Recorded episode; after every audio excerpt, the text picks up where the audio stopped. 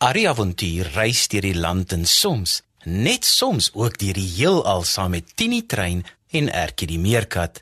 Hy's bang vir niks en saam met sy maats verskaf hulle vermaak aan groot en klein. Klim op maats, die storietrein gaan vertrek.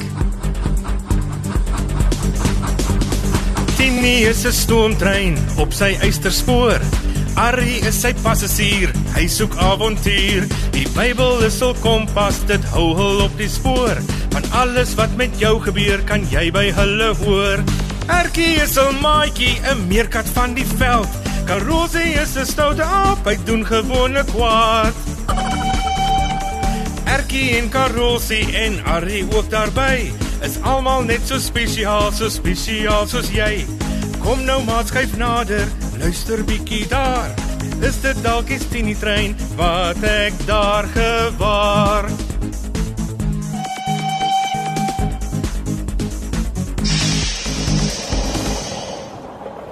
Ek is so bly ons kan eers bietjie saam met julle reis, Arrie. Waarheen gaan ons, Harry? Ons is op pad na die bouvalle van Samaria. Welke rosie? Daar sal die aapmannetjies jou beslis nie kry nie. Ja, seker nie. Maar een of ander tyd moet ons seker weer terug. Ag, kom ons dink eers 'n bietjie later daaroor. Hoekom gaan ons na die bouvalle van Samaria toe, Harry? Dit klink nie na 'n nuwe opgrawing nie. Hm, Dit is nie net nie, Ertjie. Maar ons hou maar so oogie oor Samaria al vandat my kollegas by die Harvard Universiteit die bouvalle begin opgrawe het in 1908. Sjoe, gas, Harry. Dit klink lank terug. Ja. Is dit lank terug?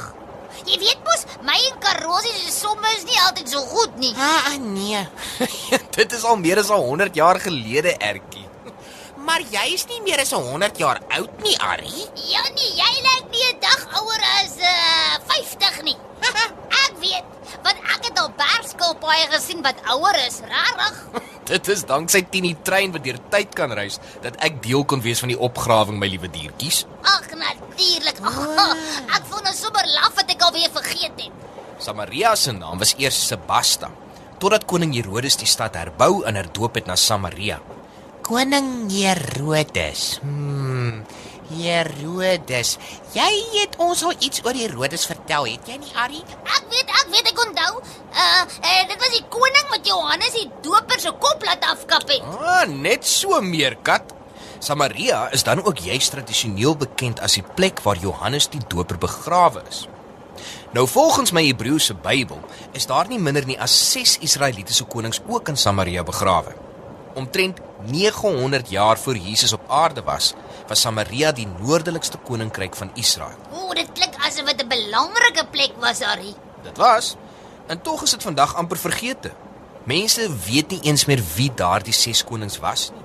Wel, mense onthou nog wie Johannes die doper was. So sê jy ek moet dat die ander aapmannetjies my kop afkap om onthou te word vir iets. Mense onthou ook nog wie koning Herodes was. Ag nee, Karosie, dis glad nie wat ek bedoel nie. Ek het maar net gedink, maar jy hoef nie 'n koning te wees om belangrik te wees nie of so iets. Dis 'n waar ding daardie ertjie so waar. Ah wag, kyk ons is hier.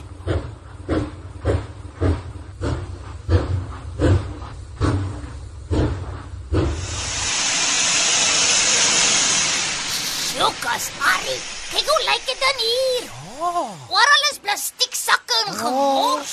en iemand het op die mure en goed geteken. Ja, ai, 'n mens noem dit graffiti karosie.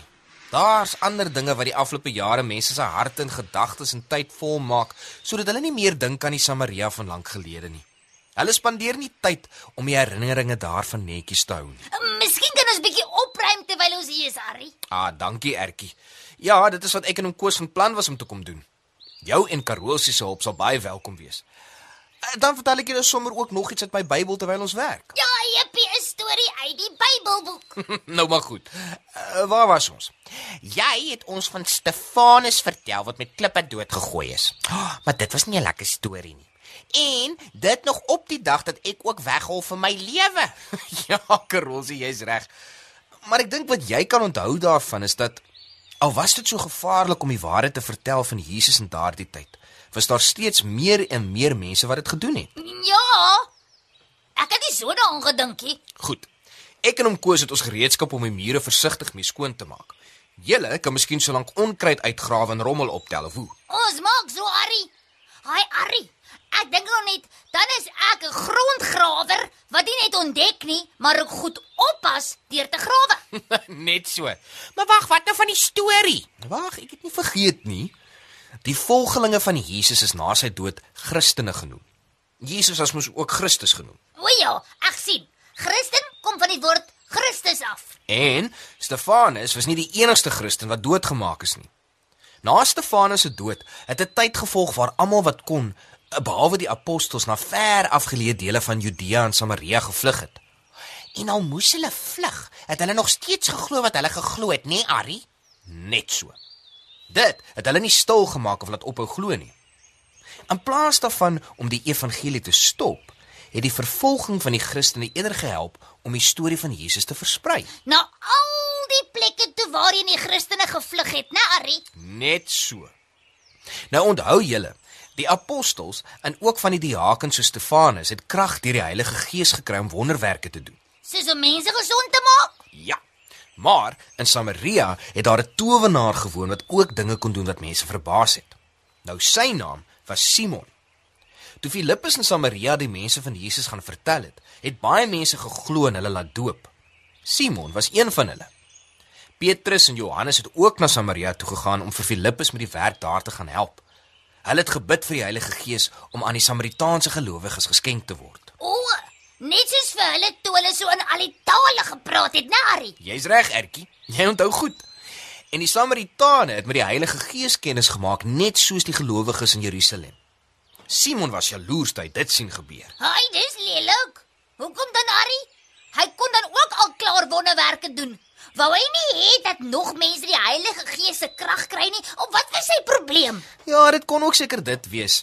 Wat ek uit die Bybel kan agterkom, is dat hy jaloers was. Hy wou dit ook kon doen. Hy het selfs vir die apostels gevra of hy hulle kan betaal vir die vermoë om die Heilige Gees vir mense te kan gee. Maar Arrie, iets klink nie reg nie. Hm, jy's reg, Ertjie. Hy het gewys dat hy nog in sy eie krag as towenaar glo en nie in die Heilige Gees en God nie. Hy het nie verstaan dat die Heilige Gees 'n spesiale geskenk van God is nie. Dit is nie iets wat mens kan koop nie. Ah, julle die son begin sak. Uh, kom ons pak gou alles terug in die trein. Ons kan eet en slaap terwyl Tini na ons volgende bestemming toe ry. Tini is 'n stoomtrein op sy eysterspoor. Arrie is sy passasier, hy soek avontuur. Die Bybel is hul kompas, dit hou hul op die spoor. Van alles wat met jou gebeur, kan jy by hulle hoor. Erkie is 'n maatjie, 'n meerkat van die veld. Karosie is 'n stoute aap, hy doen gewone kwaad. Erkie en Karosie en Arrie ook daarby. Is almal net so spesiaal, so spesiaal soos jy. Kom nou maat skuif nader, luister bietjie daar. Is dit dalk die Tini trein wat ek daar gewaar? Die avonture van Arrie en Erkie is geskryf deur Elsie Stander. Dit word opgevoer onder spelleiding van Lazelle de Bruin, tegnies versorg deur Neil Roo en vervaar deur Worldwide Media.